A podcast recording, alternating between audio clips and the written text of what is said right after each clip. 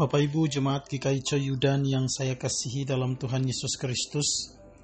Selamat pagi dan salam sejahtera untuk kita semua yang telah mempersiapkan diri untuk memulai seluruh aktivitas kita pada hari Selasa 26 Mei 2020 ini. Namun sebelum kita memulai seluruh aktivitas kita, Mari kita sama-sama mendengar firman Tuhan yang saya sampaikan kepada kita, yang saya ambil dari kitab Perjanjian Lama, yaitu Kisah Para Rasul pasal 1 ayat 6 sampai dengan ayat 11. Kisah Rasul pasal 1 ayat 6 sampai dengan ayat 11. Sebelum kita baca, mari kita berdoa memohon bimbingan Roh Kudus. Mari kita berdoa. Bapa kami yang ada di sorga, di tengah kelemahan dan ketidakberdayaan kami untuk menjalani hidup hari ini. Kami mohon kuat kuasa Tuhan menyertai kami. Firman Tuhan yang kami renungkan ini adalah kekuatan di dalam hidup kami. Karena itu kami mohon roh kudus tolong kami. Agar kami boleh mengerti kehendak Tuhan, sehingga kami boleh mengerjakan itu di dalam kehidupan kami setiap hari. Khususnya hari ini, ketika kami memulai seluruh aktivitas kami. Berfirmanlah ya Allah, karena kami telah siap mendengar. Di dalam nama Tuhan Yesus kami berdoa. Amin. Kisah Para Rasul pasal 1 ayat 6 sampai dengan ayat 11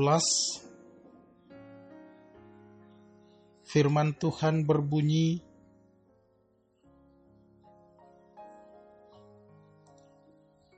Maka bertanyalah mereka yang berkumpul di situ Tuhan, maukah engkau pada masa ini memulihkan kerajaan bagi Israel? Jawabnya, Engkau tidak perlu mengetahui masa dan waktu yang ditetapkan Bapa sendiri menurut kuasanya. Tetapi kamu akan menerima kuasa kalau roh kudus turun ke atas kamu. Dan kamu akan menjadi saksiku di Yerusalem dan di seluruh Yudea dan Samaria dan sampai ke ujung bumi. Sesudah ia mengatakan demikian, terangkatlah ia disaksikan oleh mereka, dan awan menutupnya dari pandangan mereka.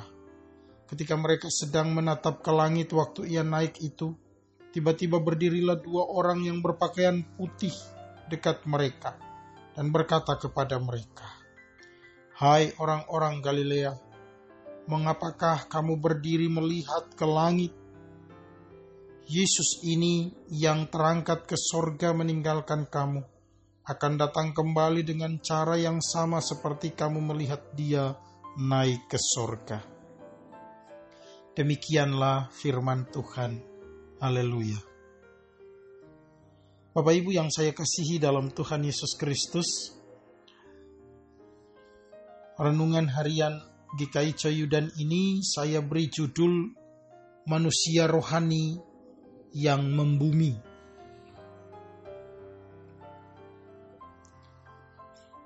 Hari kami selalu kita baru memperingati hari kenaikan Tuhan Yesus ke sorga. Peristiwa ini sangat penting bagi kehidupan dan karya-karya kita sebagai pengikut Kristus di bumi ini. Saya katakan sangat penting karena hal ini mengingatkan kita pada tiga hal Yang pertama adalah ketika Yesus naik ke sorga, maka sorga itu ada dan nyata. Ludwig Andreas, seorang filosof ateis yang lahir di Jerman, mengatakan bahwa Allah adalah hasil proyeksi pikiran manusia dan bukan sebaliknya. Ia berangkat pada apa yang real dan konkret. Manusia itu ada dan real. Bumi ini ada dan real. Tetapi Allah dan sorga itu tidak real. Itu adalah ciptaan atau proyeksi dari pikiran dan harapan manusia saja. Namun apakah ini benar? Nah, Bapak Ibu yang saya kasihi, peristiwa kedatangan Yesus ke bumi dan kenaikannya ke sorga menyatakan kepada kita bahwa Allah itu benar-benar real. Dan sorga itu juga benar-benar ada. Karena ia masuk dan dalam sejarah manusia yang real dan disaksikan oleh umat manusia. Tuhan Yesus datang dari sorga. Ia datang turun ke dunia untuk memberitakan kerajaan sorga dan sekarang naik ke sorga untuk menyediakan tempat bagi kita. Tuhan Yesus berkata, di rumah Bapakku banyak tempat tinggal. Jika tidak demikian, tentu aku mengatakannya kepadamu sebab aku pergi ke situ untuk menyediakan tempat bagimu. Inilah landasan iman percaya dan pengharapan kita bahwa hidup kita di bumi ini adalah sesuatu yang real.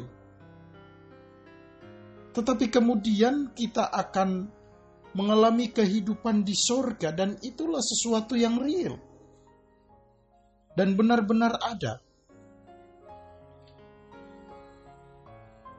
Karena di sana kita akan tinggal bersama Bapa, Bapa yang kudus, yang kekal, yang ada di sorga. Hal yang kedua, di dalam memperingati kenaikan Tuhan Yesus, maka kita manusia menjadi manusia yang rohani manusia yang mengalami transisi dari manusia daging kepada manusia rohani. Jauh sebelum Tuhan Yesus naik ke sorga, dia telah berpesan kepada murid-muridnya di dalam Injil Yohanes pasal 16. Kalau kita baca dari ayat 4 sampai ayat 15, saya hanya mengutip saja ayat 7. Adalah lebih berguna bagi kamu jika aku pergi. Sebab jikalau aku tidak pergi, penghibur atau penolong itu tidak akan datang kepadamu. Tapi jikalau aku pergi, aku akan mengutus dia kepadamu. Apa artinya? Hal ini berarti roh kudus sebagai roh penolong dan penghibur sudah dianugerahkan bagi kita untuk mentransformasi hidup kita agar kita menjadi manusia rohani. Kita tidak mudah kalah dan berfokus pada manusia daging. Tetapi kini, kita telah menjadi, manusia rohani. Roh Kudus menjadikan diri kita manusia rohani yang penurut roh yang akan membimbing kita untuk menjadi manusia yang tangguh dan manusia yang terus berpengharapan kepada Kristus. Ketiga, yaitu dengan merayakan kebangkitan Tuhan Yesus, maka kita harus tetap membumi.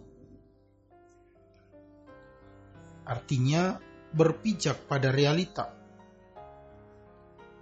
Pesan ini ditegaskan oleh malaikat kepada para murid yang terus melihat ke atas awan. Walau Yesus sudah tak nampak lagi. Hai orang-orang Galilea, mengapakah kamu berdiri melihat ke langit? Yesus ini yang terangkat ke sorga meninggalkan kamu akan datang kembali dengan cara yang sama seperti kamu melihat dia naik ke sorga.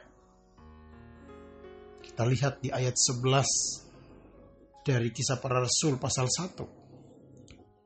Jadi kenaikan Tuhan Yesus ke surga mengajarkan kepada kita agar kita tetap menjadi manusia bumi yang bercitrakan surgawi.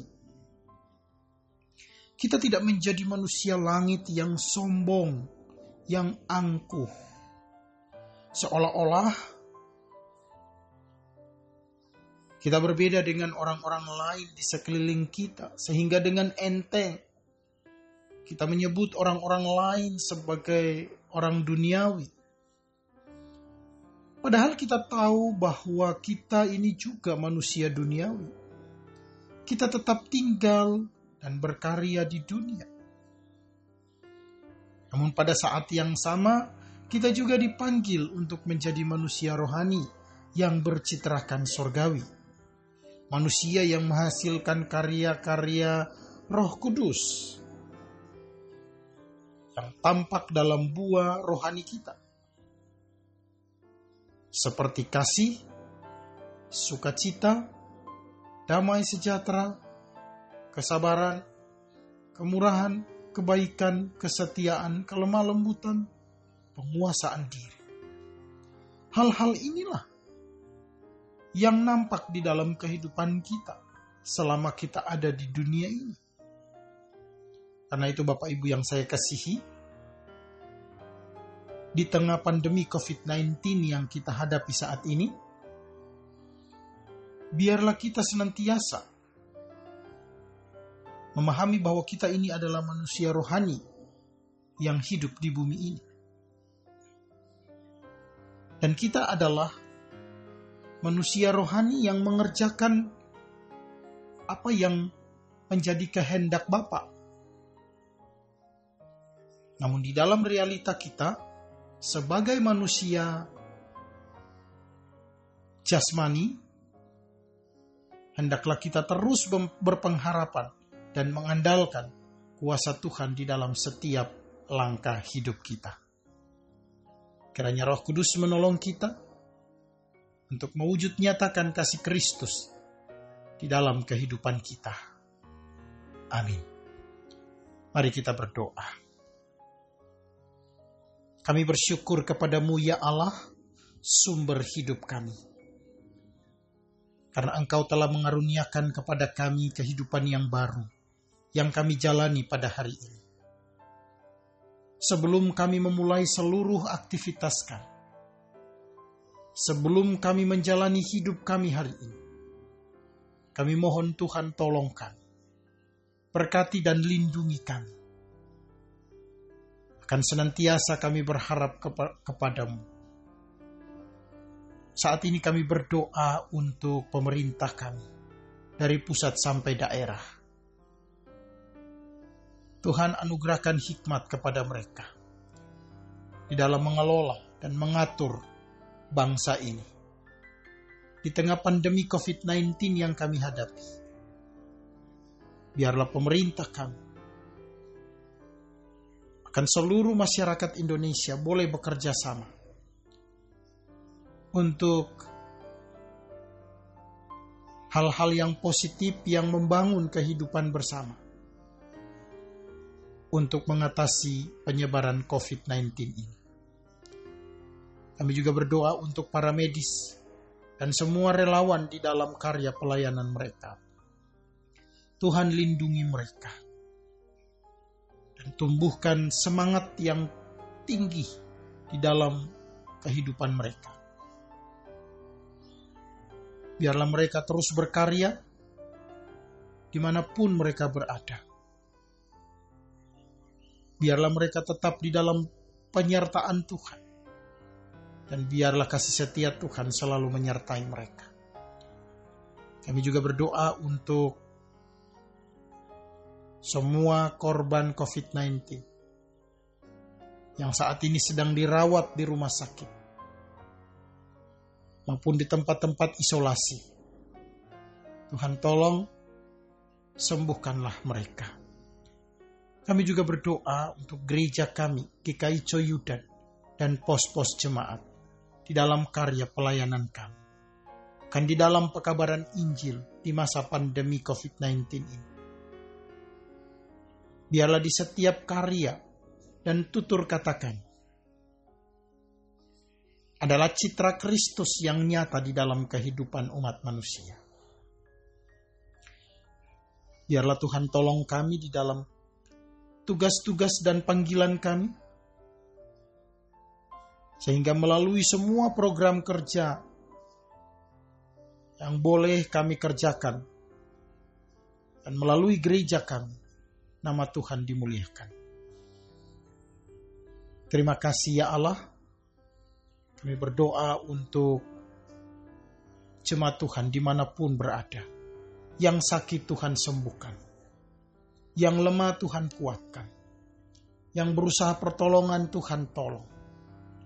Bahkan yang undur imannya, Tuhan teguhkan imannya. Dan ia tetap bersandar kepada Tuhan.